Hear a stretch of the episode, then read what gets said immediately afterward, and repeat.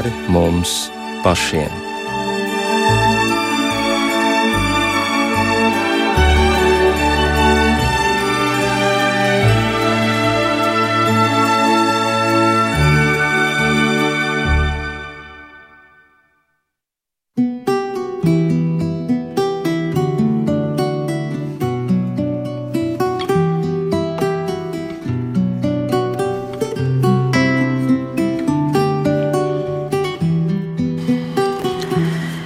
Sveicināti raidījumā pāri mums pašiem, lai ir slavēts Jēzus Kristus.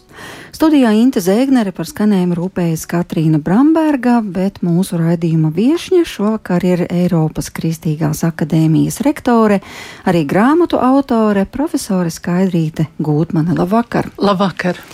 Paldies, ka atradāt iespēju šajā karstajā vasaras laikā būt vecrīgā, un šovakar mēs runāsim par par dieva līdzību mūsos. Kas tad tā īsti ir un kā tā izpaužas šī no dieva dotā līdzība? Eh, kā mēs esam taču radīti pēc dieva tēla un līdzības, ko tas nozīmē, to noskaidrosim, ceram noskaidrot. Bet tā kā Eiropas Kristīgā akadēmija šogad svin apaļu jubileju, savus 30 gadus, tad gribu arī vaicāt, kā tad šobrīd dzīvo akadēmija. Piemēram, kas šobrīd notiek akadēmijā? Ir tukši gaiteņi, vasaras laiks, varbūt kādi krāsošanas darbi. Nē, paldies jums par tādu brīnišķīgu uzmanību pret akadēmiju. Man prieks akadēmijā nekad nav bijis klusu pavisam. Nāk studenti, šobrīd pašreiz ir pieteikšanās studijām visās studiju programmās, un paralēli ir arī tāds process, kas daudzās augstskolās, arī mūsējā, notiek studiju programmu un studiju virzienu pārakreditācijas process. Tas, protams, prasa milzīgu iedziļināšanos savu, savā darbā, savā kvalitātē, savā visā lietā. Tāpēc, nu, pilnīgi teikt, ka šobrīd ir tāds tukšs atvaļinājuma laiks, arī nevar teikt, bet eh, visu laiku cilvēki ir. Es pat esmu katru dienu darbā, un laika man vēl atvaļinājums tikai stāv priekšā. Jā, nezinu, kā tagad ir ar studentiem, vai joprojām jauniešus, un droši vien ne tikai jauniešus, interesē augstākā izglītība, kas ir eh, sakņota kristietības pamatos. Nu, jūs taču redzat to dinamiku vairāk, mazāk? Ļoti labs jautājums, jo es tiešām redzu to dinamiku ka ļoti interesanti procesi notiek jauniešu un arī vidējā vecuma cilvēku tajā apziņā. No vienas puses mēs dzīvojam informācija tehnoloģija, vai ne? Un tādā dziļā riska sabiedrības situācijā, ka mēs redzam, blakus ir karš, vai ne? Un visi šie destrukciju tādi procesi, kas notiek pasaulē, un nesaskaņas un varmācība un tā tālāk. No otras puses, šis process, un to es tiešām redzu, rada kaut ko ļoti pozitīvu cilvēkos. Viņos pamostas atkal vēlēšanās apzināties savas dievišķās saknes. Un tas ir tik patīkami, ka, piemēram, tik tik nāk uz ikonogrāfiju, ja? nu, ikonu, ja? ir tēls, ja? dieva tēls. Nāk noskaidrot, kāpēc tā māksla ir tik arvien populārāk paliek, ja? kāpēc tik daudz to pasūtījumu ir, cilvēki grib ikonas. Tas ir it kā tāda bībele uzskatāmā veidā, vai atkal sociālajā labklājības virzienā, nu, kā palīdzēt otram cilvēkam. Nu, nu, nevar visu laiku runāt par to, ka cilvēkam jābūt atkarīgam vai no, no psihoterapeita vai psihologa. Cilvēks ir pats no dieva radīts ļoti stabils bez visām šīm stutēm bet viņam ir jāzina, kas viņš ir. Un te ir tā mūsu sabiedrības šobrīdējā lielā problēma, ka cilvēks ir ievirzījies identitātes krīzē, un kā atbildot uz jūsu jautājumu, grib nākt no tās krīzes ārā un meklēt kādus dziļākus risinājumus. Īstenībā par to jau arī mūsu raidījums šovakar. Man ļoti liels prieks jūs katru sveicināt. Jā, dieva tēls, ikona, kā jūs jau tikko minējāt, šī ikonogrāfija, es saprotu, būs arī kursi un arī Jā, vienmēr uz... ir tie vasaras kursi, un tie ir tādi speciāli akademiski kursi, pēc kuriem cilvēki izmēģina sevi savu vēlmi. Nu, tas ir jebkuram, jebkuram kurš grib stāties akadēmijā. Nē, jebkuram. Ja es, piemēram, gribētu aiziet un pamēģināt, kas jā, var izdoties. Jebkuram, kurš nekad nav otru turējis rokā. Un cik interesanti tas ir, ka es jau nesaukšu nevienu vārdā, bet ir tā, ka kādreiz ikonu apgūt grib ļoti slaveni mākslinieki, kas jau ir sabiedrībā pazīstami. Un izrādās, ka nekas nevar izdoties. Un tas ir ļoti žēl. Un tādam bieži vien cilvēkam, kurām, kurā ir apzināta iekšēja vēlme, nevis sevi izpaust, bet kaut ko dziļāk saprast, ja, par sevi dziļāk. Viņam izdodas. Ja. Tas ļoti ikonogrāfija vispār ir fenomens. Ja. Un tāpēc man jau ļoti liels prieks, ka ir mūsu akadēmiskie kursi, un tajos cilvēki paskatās un aizraujās. Un tad daudz, no viņiem arī grib nākt studēt. Un tad mēs dodam īpašas atlaides, tāpēc, ka nu, mēs uzskatām, ka šādu mākslu studēt nenāks kurš katrs. Tas ir dieva aicinājums. Nu jā, droši vien arī talants, kas no dieva ieliks, bet atgriezīsimies pa, pie dieva tēla. Un līdzības, tātad, ko jau sacīja mūsu rādījuma sākumā, tātad, ko tas īsti nozīmē, ka mēs esam radīti pēc dieva tēla un līdzības. Kāda tad ir šī līdzība? Vai mēs esam līdzīgi pašam dievam, vai Dievs ir kaut kādā veidā līdzīgs mums? Ļoti interesants jautājums un ļoti būtisks jautājums. Lai cilvēki, kas šodien meklē sevi un ko kādā veidā ne, nemeklē, mēs varbūt par to vēl parunāsim vēlāk, bet Dieva tēls tā ir neatceļama īstenība, ka Dievs ir radījis cilvēku. Un nevar to tēlu neviens nosakt, un tas tēls ir vienāds vai nu lielam, lielam grēciniekam vai svētajam. Un viņš izcaur, izpaužās tas tēls caur vārdu kultūru caur to, ka mums ir dota valoda, dzīvniekiem valoda nav dota, caur prātu, protams, kas ir dieva dāvana, un ne tikai caur saprātu, jo saprāts ir arī dzīvniekam. Cil, dieva tēls pierāda to, ka cilvēks ir būtne, kas sevi rada un pārvalda, dieva vadīts un dieva mīlēts. Un tādā nozīmē mums Dievs ir ielicis kaut ko ķēnišķu, kaut ko tādu, ka viņš saka, jūs pārvaldiet visu, ko es esmu radījis. Mēs esam tā kā tādi ķēniņa bērni, mums ir dots pārvaldīt.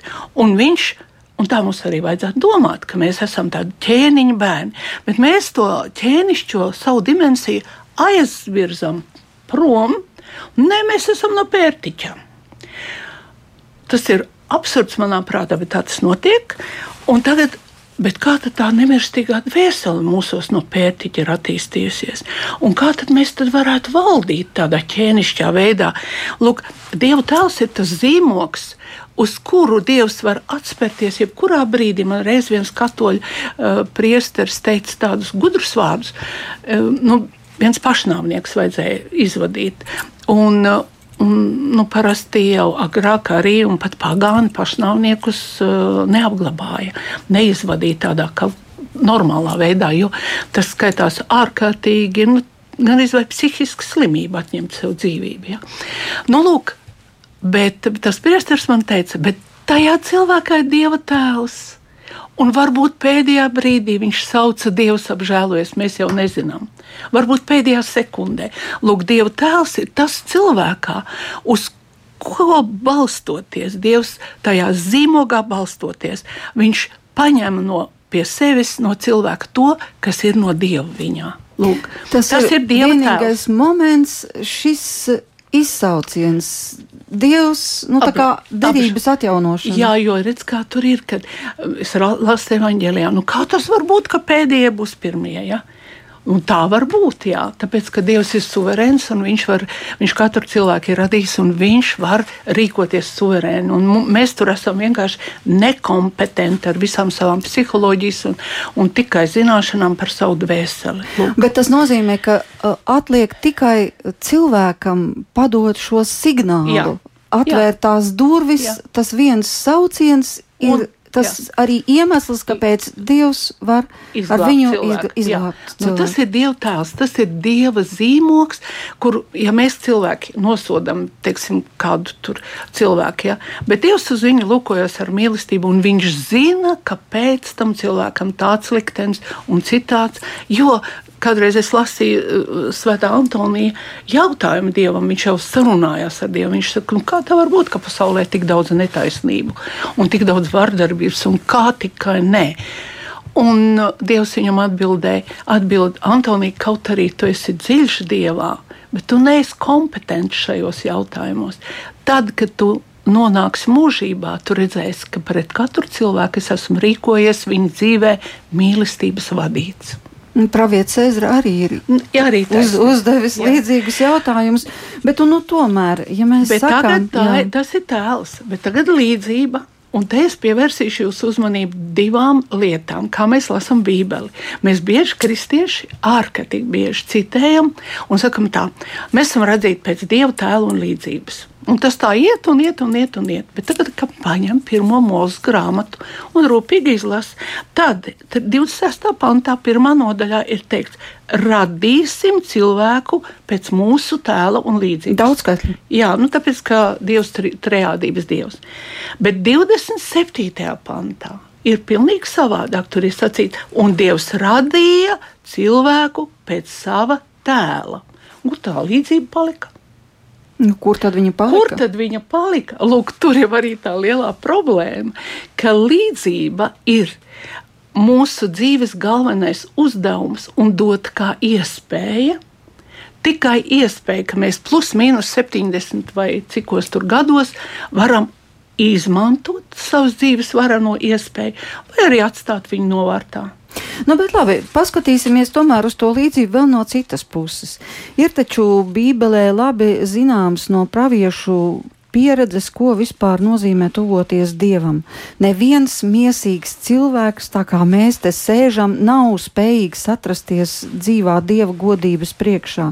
Nevelti par to ir rakstīts mūzus grāmatā. Visa tauta bija nobijusies, kad viņi redzēja, ka dieva balss, kas ir atskanējusi, tad, kad dievs deva desmit baušļus, ka viss kalns bija ugunīs. Mm.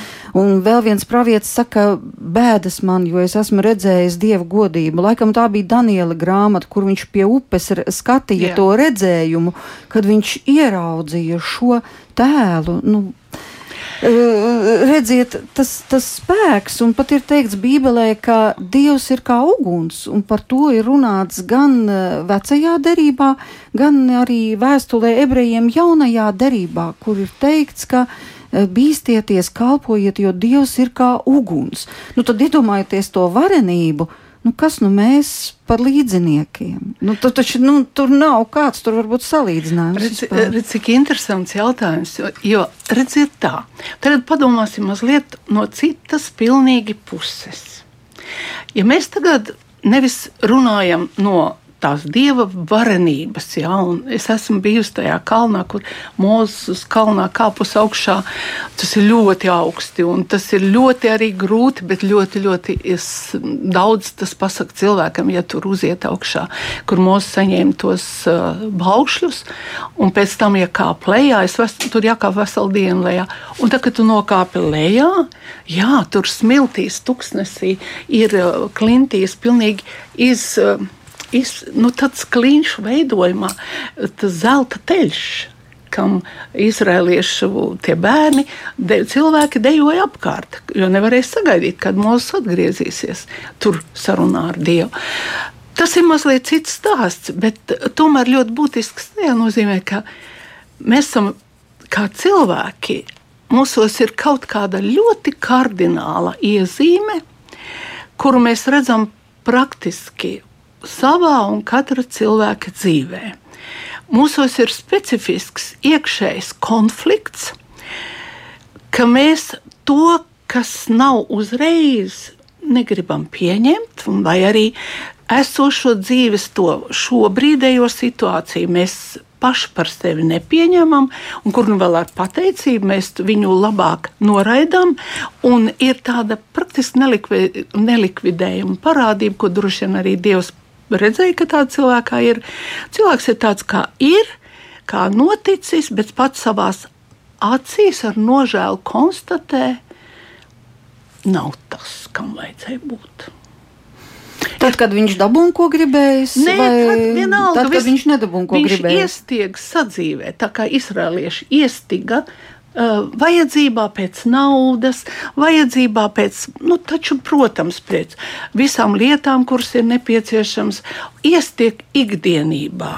Iestiek, un tāpēc ļoti interesanti, ka Jēzus sacīja, ka viņš izdziedināja slimu cilvēku, viņš teica, neimiestā. neimīcieties apkaļ sadzīvē, tu pazud, pazaudēsi to, kas tevī tagad piedzimis no augšas. Tas ir ļoti svarīgs a, a, aspekts. Ja?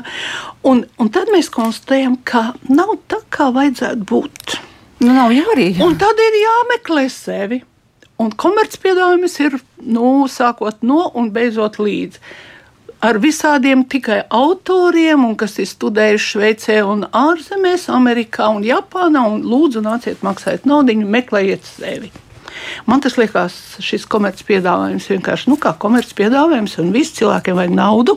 Vai kā mūsu grāmatvedis saka, daudz kas grib uh, palīdzēt citiem sevi atrast, vienkārši grib paēst.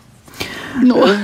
Skaidrs, bet nu, tomēr sevis meklēšana, sevis iepazīšana, tas taču ir ļoti būtiski. Un vai tad tādā gadījumā jāsaka tā? Arī baznīcas tēvi neiesaka to pašu, jo viņi tomēr ļoti smalki norāda, uh, seko savas dvēseles kustībām, pamani, kurā brīdī tu novirzies no ceļa. Saproti, kā tu esi reaģējis uz dusmām, kāpēc tu neesi varējis savaldīties, un vēl daudzas, daudzas smalkas pa pamācības, kas attiecās uz cilvēka dvēseles dzīvi. Taisnība, jo nu, Tur jau ir tā jēga, kad ir jāzina, uz ko tu tiecies. Nevis tikai jātiecās. Jo bieži vien ir tā, ka cilvēks meklē sevi. Bet kāpēc tev vajag sevi meklēt? Tā kā man viena, viena, viena paziņa aizbrauc uz Indiju un saka, es tā sev meklēju. Es saku, tā, jā, es atradu guru, tu saproti, viņš iet cauri sienai. Es saku, bet vai tu nevari iet pa durvīm, kāpēc jāiet cauri sienai? Ja tas ir kaut kas demonisks, taču tāpēc ir durvis, kad tu atver durvis un ienāc, kāpēc tev caur sienu, jā, tas ir kaut kas īpaši garīgs. Jā. Lūk, šīs, nu, mēs meklējam pārdabisko. Jā, jā, mēs meklējam pārdabisko, bet mēs neme, nemeklējam radītāju, glābēju un gudrības avotu Dievu svēto garu. Tad svētās treja, Dievs saka, mēs radīsim pēc sava tēla un līdzības. Nu, ja mēs to kaut ko nesaprotam, tad mums būtu jāvēršas pie radītāja un tādā veidā sevi jāmeklē. Bet mēs meklējam kaut kādos virzienos, pāri sev pašam būtu jāiet kopā ar Dievu bet mēs to darām pašpietiekami, vieni paši, bez dieva. Nu, kaut kādos tādos lineāros veidos, teiksim, viens otram dod padomus, viens cilvēks otram dod padomu. Es, es, ne, es vienreiz tikai esmu bijusi pie psihologa netīšām man tur vajadzēja ieiet. Man aizsūtīja pēc tam, kad es biju ar slēpēm no kalna kritusi un, un praktiski jau atveseļojusies. Vai dieviņi? Un tā psiholoģija man teica, ziniet, jūs esat spēcīgs cilvēks. Man jums nekas nebūs ko teikt. Kāpēc es izpaužos, izpaužos kā spēcīgs cilvēks? Viņa saka, e, e, es viņai vaicāju. Viņa saka, tāpēc, ka jums ir skaidrs, ka Dievs jūs ir radījis.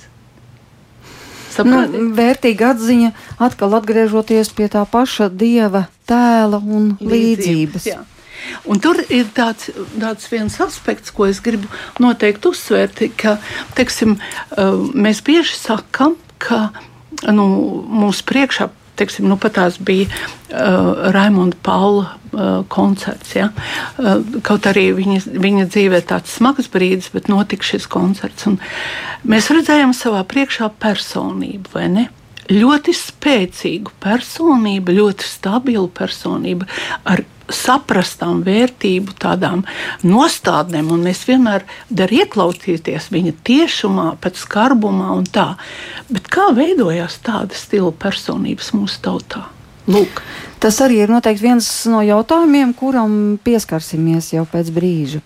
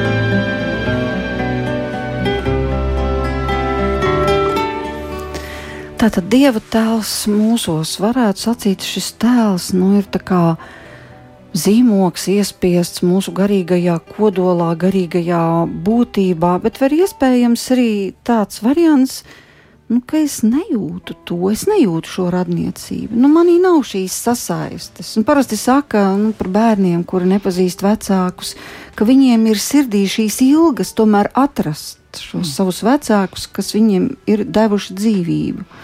Vai šī, šī vēlme var būt tik dziļi kaut kur sirdī, dvēselē aprakta, ka var arī to nejust, un taču ir ateisms pasaulē eksistē.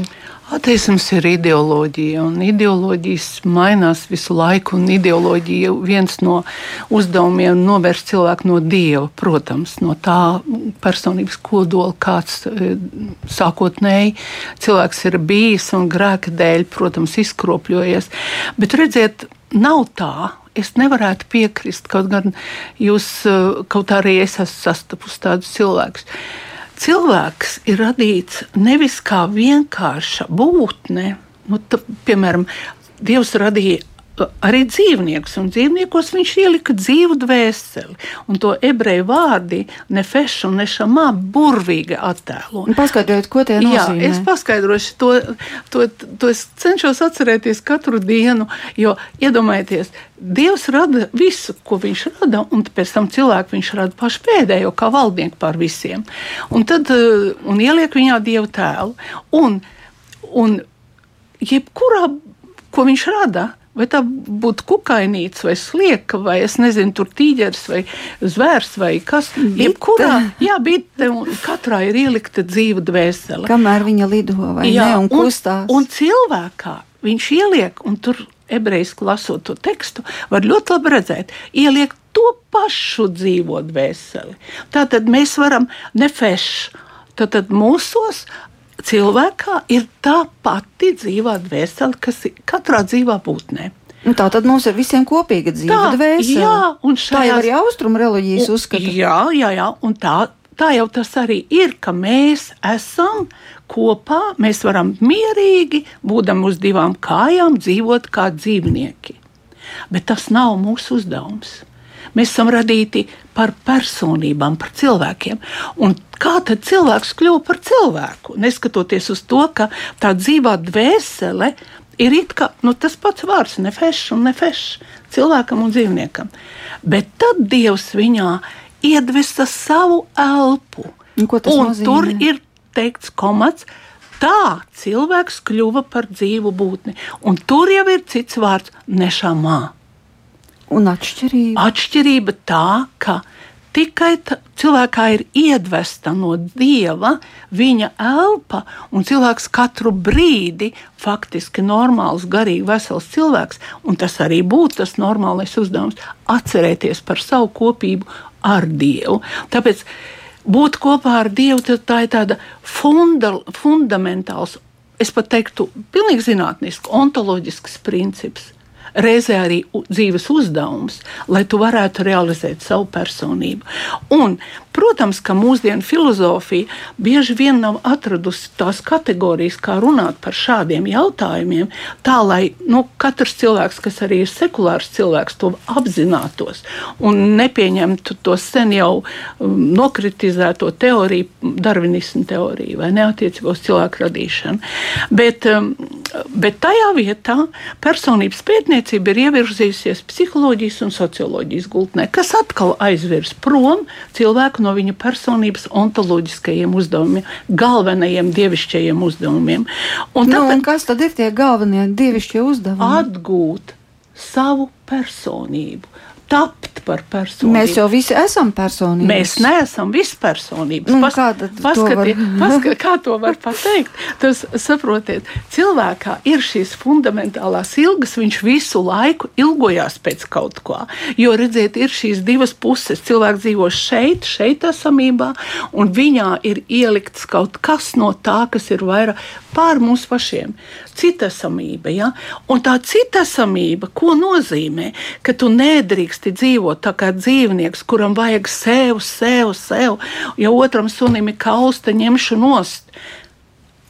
tā citasamība vai tā, nu, tā ontoloģiskā patiesība ir, ka cilvēks ir radīts pēc dieva līdzības, proti, lai viņš mīlētu otru cilvēku. Iedomājieties, ja nu pat Facebookā man viena gudra meitene rakst, ierakstījusi. Tāda gudra mūsu kādreizējā studenta. Viņa ierakstīja, beidzot, es sākšu sevi mīlēt. Es esmu izlēmusi, mans uzdevums ir mīlēt sevi. Nu, visi tie sieviešu populārie žurnāli ir pilni šī tāda. Kāda vaina? A vaina ir milzīga. Es viņai rakstu, vai tiešām tu esi izdomājis mīlēt sevi? Tad jau tu esi tāpat kā dzīvnieks. Katrs dzīvnieks sev mīl. Mīliet savu tuvāko kā sevi kā pašu. Kā sevi pašu. Nu. Pa, ja, tad izanalizē, mīliet, ko sevi? Savu tuvāko. tuvāko. Tātad fokus ir uz tuvāko. Nu, jā, bet tu... kā, tās, kā sevi pašu. Un Paklau. ļoti bieži jau arī saka, ka nemīlēsi sevi, nemīlēsi arī tuvāko. Vispār nespēja mīlēt. Tā ir, tā ir pilnīgi dīvaina un nepareizā eksegēze. Tā ir eisegēze, būtu grieķiski pareizi teikt, ka tu savus domas ieraksti iekšā tajā, ko Dievs sacīja. Ja es sacīju tā, es esmu to gramatiski izanalizējusi, arī ņemot to riktīgo eksegēzes un to uh, fenomenu grieķis par pamatu. Ja? Dievs, ja es saku, mīliet, jā, lūk, tas ir tas ontoloģiskais princips. Personība raksturo mīlestības enerģiju. Ja? Mīliet savu tuvāko. Tad tas nozīmē otru cilvēku. Kā tad mīliet, ja es jau zinu, ka mēs esam egoisti? Tieši tik egoistiski, kā mēs mīlam sevi. Un kur tam mums vēl būtu jābūt vēl lielākiem egoistiem nekā mēs esam? Viņš saka, mīliet savu tuvāko, tā kā sevi jūs jau mīliet. Daži varbūt nemīl sevi. Es neesmu tāds cilvēks, ap sastapusi. Visi cilvēki taču ir tik normāli, kad paklausieties, kā ļaudis runā. Ja? Viens otram dod padomus. Un tāpēc bieži vien mums pareizticīgajiem neiesaka dot padomus ja otram cilvēkam, tāpēc ka var sarunāt visādas dīvainības. Piemēram, iet pie otra un lūdz padomu. Nu, man, kā man tagad rīkoties? Nu, tā teikt, nu, tā saprātīgi domājot, tev būtu labāk. Tā ir tā formula. Ja tu darītu tā un tā, tev būtu labāk. Bet tā orientācija ir uz otru cilvēku, pārvērst uh, cilvēka dzīvi par ziedojo, ziedošanos otram cilvēkam, savam tuvākajiem bērniem, ģimenei, galu beigās arī daudziem citiem cilvēkiem. Kādā veidā izrādās, ka tā ir personības kvalitāte, spēt mīlēt mīlestības enerģijā saplūst ar dievu mīlestības enerģiju un pārspēt savu egoismu, izdarīt vairāk nekā cilvēks spēj. Un interesanti ir Jāņa atklāsmes grāmatā, ka tur ir ap dievu tronu mūžībā visi tie kas stāv baltās drānās, kas ir mhm. uzvarējuši šeit esamības un, no, un dvēseles nemirstību iemantojuši. Ja? Dvēseli jau var radīt nemirstīgu. Kas ir tie, no kurienes tie ir nākuši? Tie ir nākuši no lielām, lielām ciešanām un bēdām un no pūlēm. Un tur ir tas grieķu vārds, kas parāda, ka dzīv, tie, kas dzīvi ir pārvērtuši par upuri, tie, kas savu dzīvi ir devuši, tāpēc, lai pasaule kļūtu labāk mīlestības dēļ, ziedošanās dēļ, upurspējas. Kāpēc mēs iestājāmies par ģimeni? Ja? Kad ģimene ir vīrieša un sievietes kopība, nevis citādākā veidā. Tāpēc, ka ģimenē bērns no mātes tieši iemācās to upurspēju visvairāk. Vīrieši jau nav tā radīti tik ļoti tādā, nu kā mūsu tautsdziesmās pat saka, auseklis uzlēca, saulīte nogāja, auseklis uzlēca, vēl māte sēdēja mani auklēdam.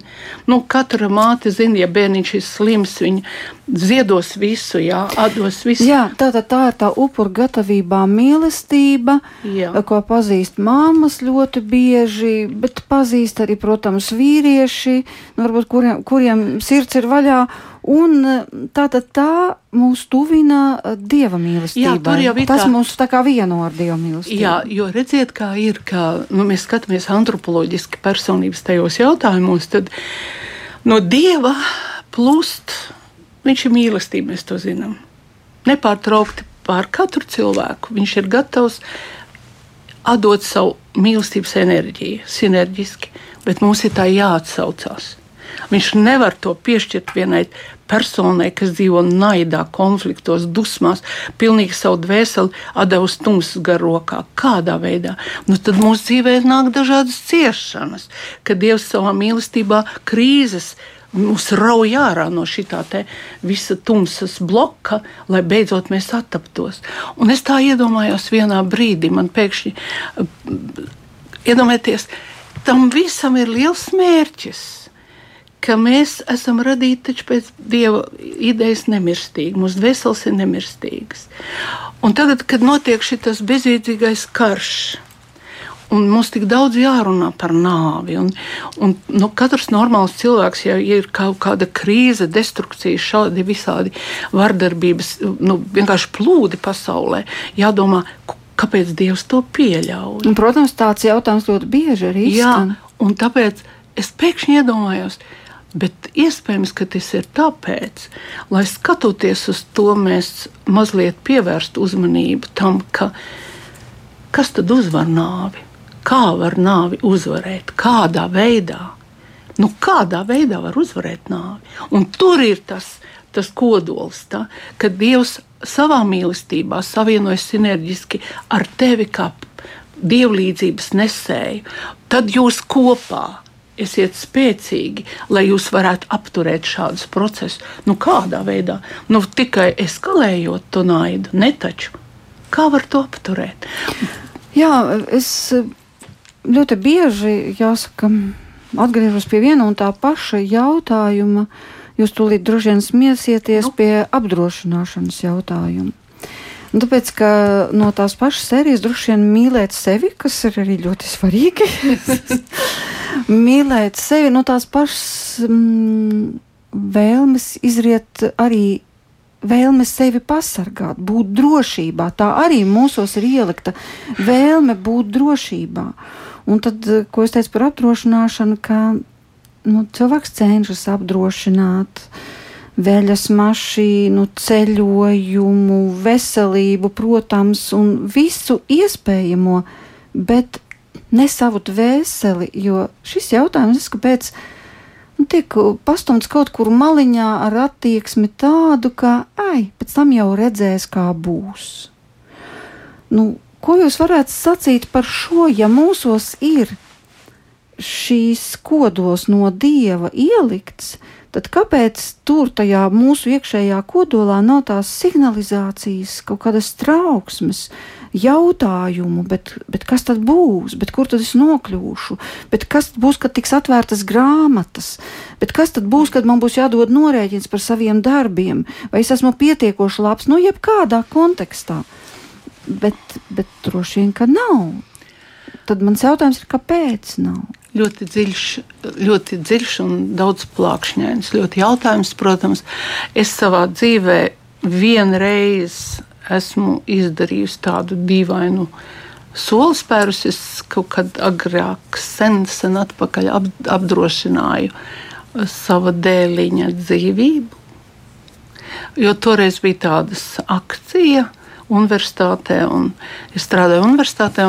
Kaut kā es automātiski, un man Dievs uz visiem mūžiem iemācīja to nekad vairs nedarīt, jo pēc divām nedēļām mans dēliņš sadega uguns nelaimē. Un, protams, neviena nauda neprasīja, neņēma, ne, nebija, ne, nebūs. Es sapratu, ka drošību nevar nodrošināt. Nu, protams, tu vari, tā kā tie cilvēki pie mūzes Sinai kalnā. Ja? Tu vari drošību, nu nevar sagaidīt to mūzu, kas runājās ar Dievu. Nu nevar sagaidīt drošību no Dieva. Bet nu, tad dažā laikā, jā, viņi. Tad, jā. tad, tad, tad vai kārtosim naudas jautājumus, saliksim visu sauskaru zeltus, visu kopā un uztaisīsim zelta teļu, un tas ir kaut kas stabils un, un drošs. Ja? Tas ir, redziet, vienmēr ir šīs brīvā izvēle cilvēku rokās. Ja? E, izdomāt jautājumus līdz galam kopā ar Dievu un pielūgt Dievu, jā, jo mēs esam vārdu kultūras cilvēki. Mēs, mums ir dota valoda, lai vispirms mēs runātu ar Dievu un pēc tam viens ar otru. Jā. Mēs arī pirms raidījuma pielūdzam Dievu, mēs parunājamies ar Dievu, pēc tam mēs tagad runājamies ar citiem cilvēkiem. Tā, tā, tā ir tāpat arī pirms tēšanas. Nu, ne tā kā sunīts pie bļodas lats kā iekšā un pa priekšu parunājies ar Dievu, pasaka paldies, ka tu esi ka Dievs ir devis tik daudz gudrības nopelnīt, ka tu vari no, uzklāt galdu un pēc tam arī paiest nu, kaut kādā savādākā veidā. Bet vai jums ir nācies saskarties ar to, kā es sacīju, to signalizācijas momentu, ka kaut kas iekšā trauksmaini turpina uzdot šo jautājumu, bet kā tad būs pēc tam? Jo mēs jau zinām, ka pēc tam būs, bet Jā, kāpēc redz... es neinteresējos, kas ar mani būs pēc tam? Redziet, viena no tādām lielām atbildēm, uz ko arī grieķu pašais pareizticīgie teologi norādījuši, ka uz šo jautājumu atbild dod tas, to, tas ka pasaulē nenormāli pie, pieaug atkarības. Ļoti tāpēc, ka cilvēks neatrod šo jautājumu sekulārā vidē. Viņā ir šī tieksme, viņā ir šī vajadzība dabīgā pēc dieva, un Bībele pat saka, ka cilvēks bez dieva ir dzīvs viņa prātā, bet būtībā viņš ir miris jau. Nu, tur ir Ecehela grāmatā, nu, daudz vietā. Nu, lūk, un, Tāpēc, ka ir nepieciešams cilvēkam tas nu, prāts, viņā jau pašā nav. Saprāts ir. Un saprāt, mēs izglītojam un iegūstam diplomus, un doktorus un profesorus un ko nē. Bet prātu jau iedod tikai Dievs prāts, un viena no prāta augstākajām formām ir ticība. Un cilvēkā ir šī ilgas pēc kaut kā, kas nav manī noticis. Nu, un tā un ļoti spilgti tas ir vīriešiem, jo viņi ir radīti pirmie, viņi ir radīti ārkārtīgi augstiem garīgiem uzdevumiem. Un, ja tas nav, un ja viņa nevar sev realizēt, un ja vēl sieviete blakus ir, kas nespēja viņam to nu, būt par palīgu tajā ziņā un parādīt tā atkarības ir ļoti, ļoti daudz. Un antropoloģiskie sacerējumi šobrīd par to, mod, analizējot riska sabiedrības cilvēku, ļoti daudz runā. Teologi, antropologi par to, ka atkarību plūdi ir tieši tāpēc, ka nespēja cilvēku sekulārā vidē gandarīt atbildes par viņu dzīves uzdevumiem. Nu, tad pasakiet vēl lūdzu, kāpēc uh, Dievs nereaģē uz pirmo impulsu? Nu, Vienalga šovakar, nu, labi, es gribu tevi iepazīt, nu, lūdzu, atklājies man, un visdrīzāk nenotiks nekas. Notiks gan, ja cilvēks to patiesi gribēs. Ja, ja cilvēks patiesi gribēs, es nekad neesmu pa visiem saviem gadiem atradusi vienu tādu gadījumu, ja cilvēks no sirds vēršas pie Dieva, ka Dievs klusētu. Nē, tā nav. Un lūk, atgriežamies pie dieva tēla un līdzības. Par tēlu noskaidrojām, tas ir mūsos kaut aizbērts, kaut drupās, bet vienalga tas ir viņa zīmogs mūsos. Bet tā dievlīdzība, tā līdzība. Tā līdzība ir tas, kas mums dzīves gaitā ir jāiegūst. Lai mēs nenomirtu, lai tad, kad nāves eņģēlis nogriezīs dvēseli no mūsu miesas, un dvēsele atbrīvosies, izies no ķermeņa, viņa dosies mūžībā, viņa dosies pie tā, kas viņu ir radījis, lai dzīvotu mūžīgi. Un šeit ir ļoti svarīgs uzdevums. Dzīve ir dota tāpēc, lai mēs atgūtu dievu līdzību, atgūtu, iegūtu dieva līdzību. Un cilvēka garīgā dzīve, un tas ir ļoti svarīgs punkts, ko es tagad pateikšu, viņš nevar tā sēdēt un vaimanāt, ko nu lai es daru, man vajag dievlīdzību, un tagad tu Dievs dod man to dievlīdzību. Tā tas nenotiek. Tā taču ir lūkšana. Jā, nu, tā tas varētu, tāda lūkšana varētu izskanēt, bet tā tas nenotika. Ka tu, Dievs noteikti tevi cels kājās un pārvērtīs tavu dzīvi par garīgu varoņu darbu. Jo, piemēram, kaut vai viens solis, nu, kaut vai, piemēram, svētdiena. Dievs ir noteicis, ka svētdiena ir jāvelta viņam. Nu, patīk vai nepatīk, celies un dodies uz dievnam. Jo redz, ka cilvēka garīgā dzīve nav noslēgta un kaut kā viņš savu dvēseli nevar izglābt individuāli. Mežā pie priedes vai jū, gar jūras staigājot, vai vienkārši vaimanājot par to, ka dzīve nav tā, kā vajag būt. Vajag būt vērstībai uz citiem cilvēkiem, vērstībai un kopībai ar citiem cilvēkiem. Zinātniski to sauc par savstarpību. Un lai šīs sabiedrība vispār bez savstarpības nevar pastāvēt, un lai šī savstarpība, šī te, mēs teicām, mīlestība, upuru spēja, vērstība uz otru cilvēku īstenotos, Kristus ir radījis baznīcu, kurā viņš ir klāt. Viņš ir klāt katru katrā dievišķajā liturģijā. Viņš ir klāts visos sakramentos, viņš ir klāts visās lūkšanās. Lūk. Un tieši tāpēc personība ir cilvēka dievlīdzības realizēšana kopā ar citiem cilvēkiem, savstarpībā, kopībā.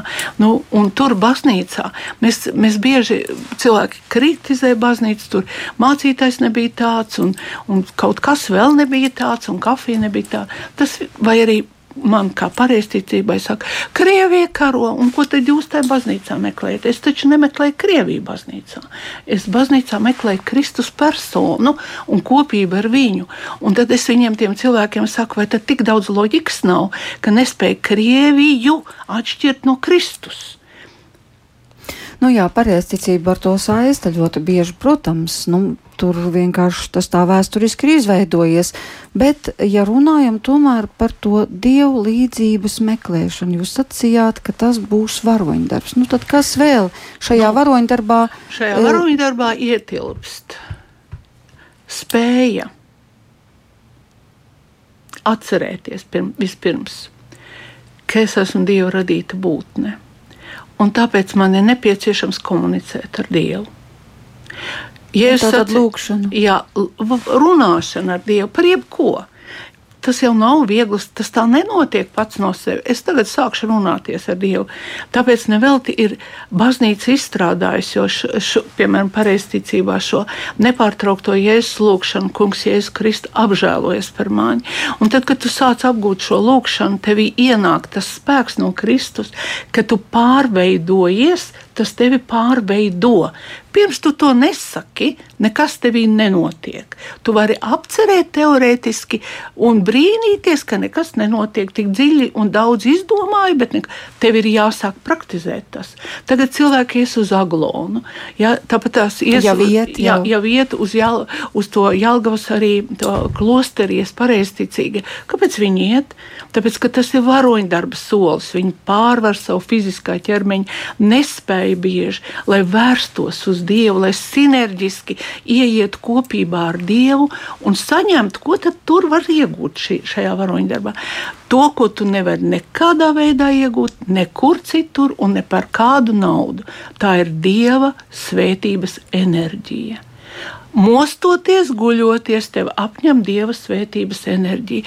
Tajā enerģijā galvenais spēks ir gudrība, mīlestība, apskaidrots iekšējs miers, stabilitāte. Kaut gan apkārt viļņojās viss tā kā ir, bet savā laikā jau, un laiki jau vienmēr ir bijuši smagi cilvēkiem. Es atceros, slavenais tas tūkstneša tēvs Eģiptes Makārijas rakstīja, tāpat kā Dievs ir brīvs arī tu esi brīvs.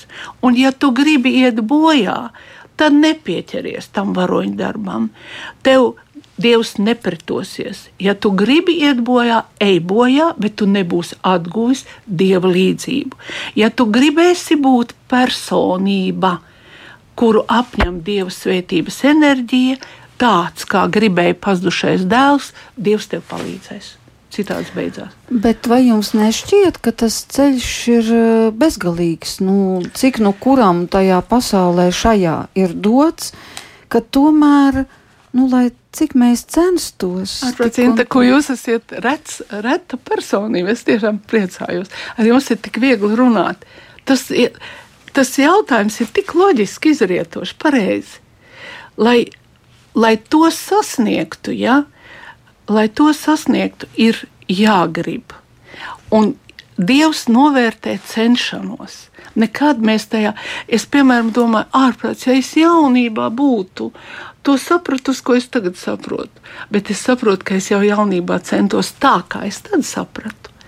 Un ar vien vairāk, vienmēr, nu, tā kā tā ozols izaug no zīles, un tas augošais ozols nekad vairs zīle nebūs. Bet viņš atcerās to, ka viņš bija zīle, un viņš arī redz, kas viņš tagad ir. Un tas pats ir ar cilvēku, ja es teicu, es esmu ceļš, patiesība un dzīvība, un dievlīdzības atgūšana ir ceļš. Tu visu laiku esi kopā ar pašu Dievu, kopā ar citiem cilvēkiem. Tu esi iesaistīts tajā, ko par dzīvi sauc, bet tu neesi no tās dzīves izmetis ārā kā tādu nevajadzīgu. Nu, jā, mēs dzīvojam sekulārā sabiedrībā, mums neko ne. Dievu. Nē. Tas ir tas, ka tu to varoņdarbu dari, kaut arī, nu, iespējams, pat kāds pasmaida, jā, nu, redz, profesori runā par Dievu, nu, un tad. Bet iespējams, ka tie ir pavisam sīki varoņdarbi. Nu, nu, nu, bet... Kādam iedot sēdvietu transportā vai, vai atteikties no kaut kā, kas tev ir mīļš, cita labā. Nu, tādi sīki, tas nenozīmē kaut kas milzīgs. Jā, bet Dievs nāk palīgā visos tajos, visos tajos procesos, ja viņš redz, ka cilvēks cenšas. Man, piemēram, vienmēr ir jāpazaudē, nevis jāzaudē tas, ko man ļoti, ļoti gribās. Es nevaru saprast, un, un tad vēlāk es apjēdzu, ka Dievs man rāda, ka nekas tev, nekam tu ne, nevari dzīvē tā pieķerties, ka nevajag pieķerties nekam liekam. Pietiek, ja tu esi centrā. Un cilvēks atrodas dzīves centrā tad, ja viņš ir vienots ar savu radītāju, ja viņam blakus ir līdzās tuvinieki, ģimene un tā tālāk, un tā tālāk, un arī baznīca jau ir tāda tuvinieku ģimene. Un tālāk tā tā, tā enerģija, tā svētība no tevis un caur dievu izplatās ar vien tālāk, tālāk. Tā. Un tas ir tāds nebeidzams process, kā jūs teicāt, bezgalīgs un laimīgs tas cilvēks, kas to uz tā agrāk, pēc iespējas agrāk nostājas. Jā, paldies. Nu, tad arī šo novēlējumu ņemot vērā par laimīgu cilvēku, mēs šovakar noslēdzam raidījumu. Paldies, ka atnācāt uz šo sarunu. Es saku Eiropas Kristīgās akadēmijas rektorei, grāmatu autorei, profesorei Skaidrītei Gūtmanei. Kopā ar jums šovakar bija Hinta Zēgnere, bet par skanējumu rūpējas Katrīna Bramberga uz tikšanos atkal nākošajā svētdienā. Paldies!